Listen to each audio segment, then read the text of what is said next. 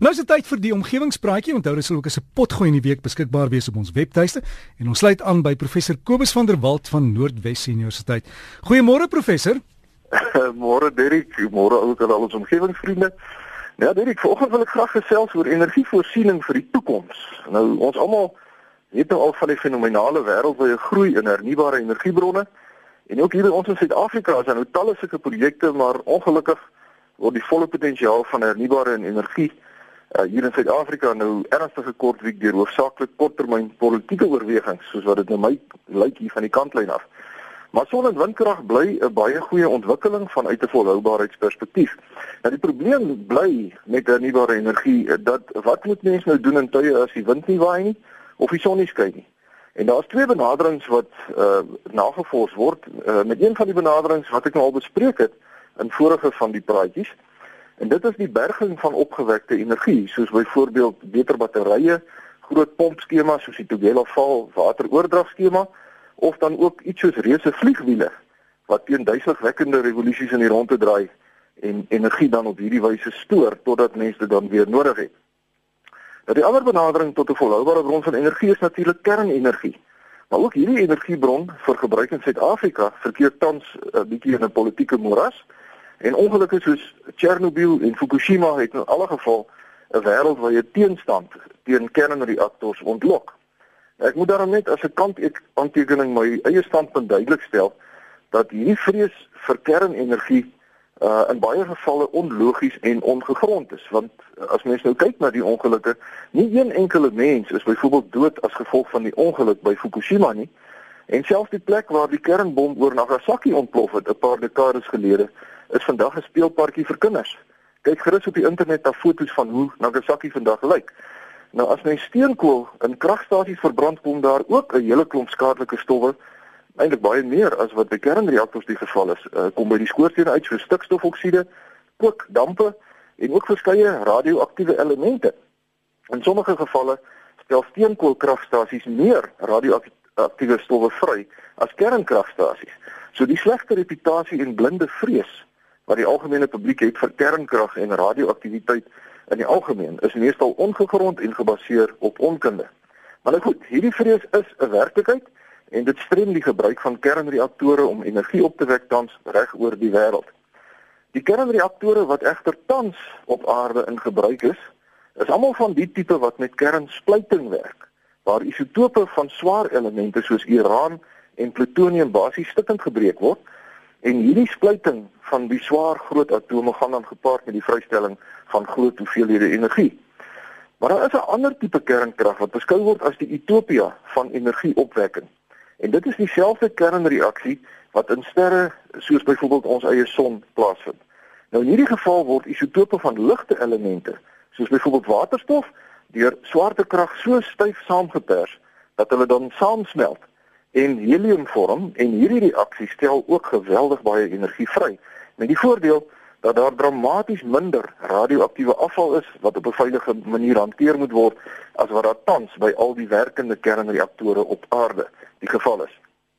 Maar die groot probleem met hierdie tipe kernreaksie is natuurlik dat dit sover bekend slegs by geweldige hoë temperature en onder geweldige druk plaasvind, soos byvoorbeeld in die middel van die son.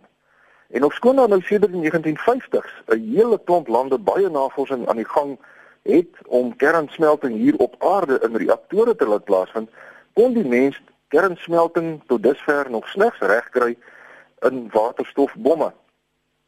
En 'n waterstofbom gebruik basies 'n Iran atoombom, 'n normale atoombom as 'n sneller om dan vir 'n breedteel van 'n sekonde die hoë druk en temperatuur te verkry sodat die waterstof in die bom dan kan saamsmelt om die geweldige klomp energie dan vry te stel. Nou die probleem om hierdie reaksie te beheer sodat dit in 'n laboratorium kan werk, is dat die mens tot dusver nog nie daarin kon slaag om die reaksie langer as slegs breekdele van sekondes, soos wat mense nou in 'n waterstofbom ontploffing kry, te laat voortduur nie.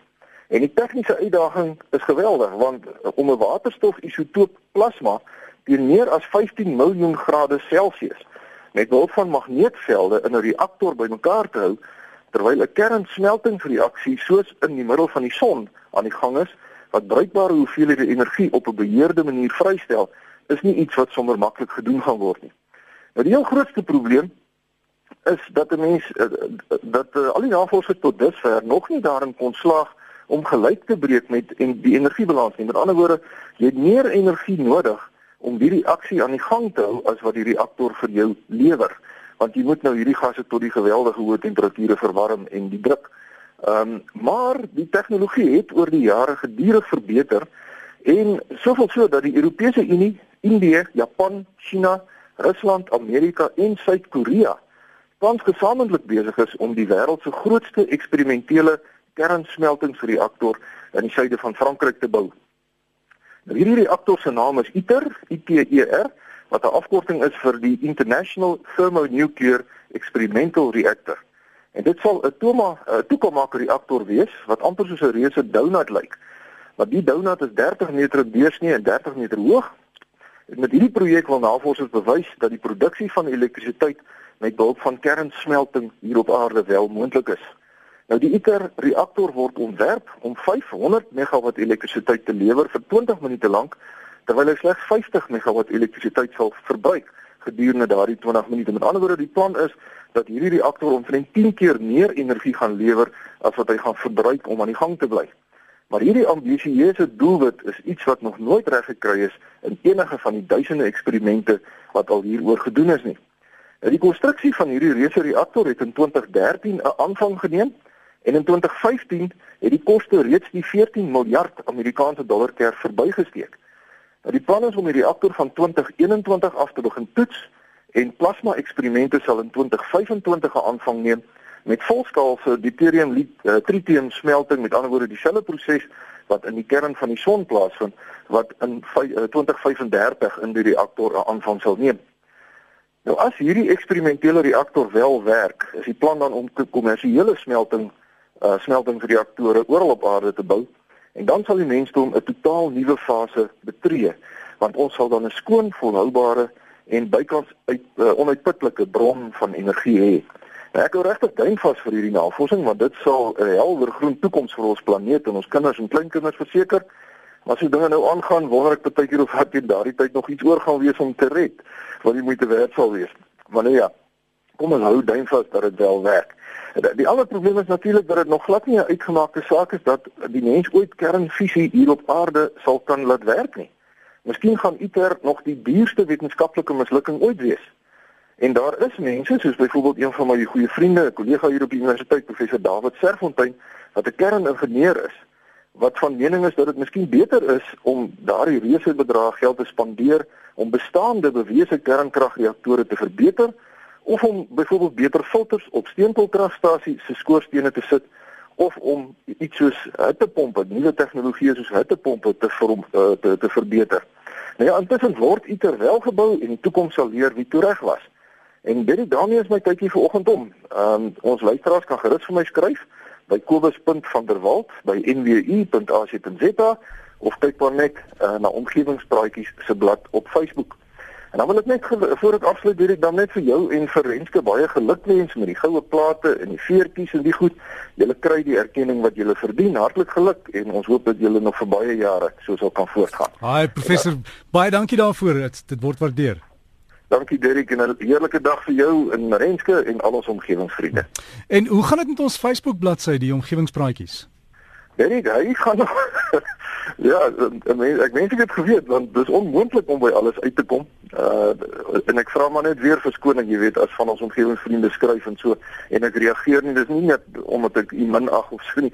Dis regtig net dit dit gaan eintlik uh, baie baie goed met die met met met met die hele omgewingspraatjie inisiatief wat jy begin het so 'n klomp jare terug, Derek.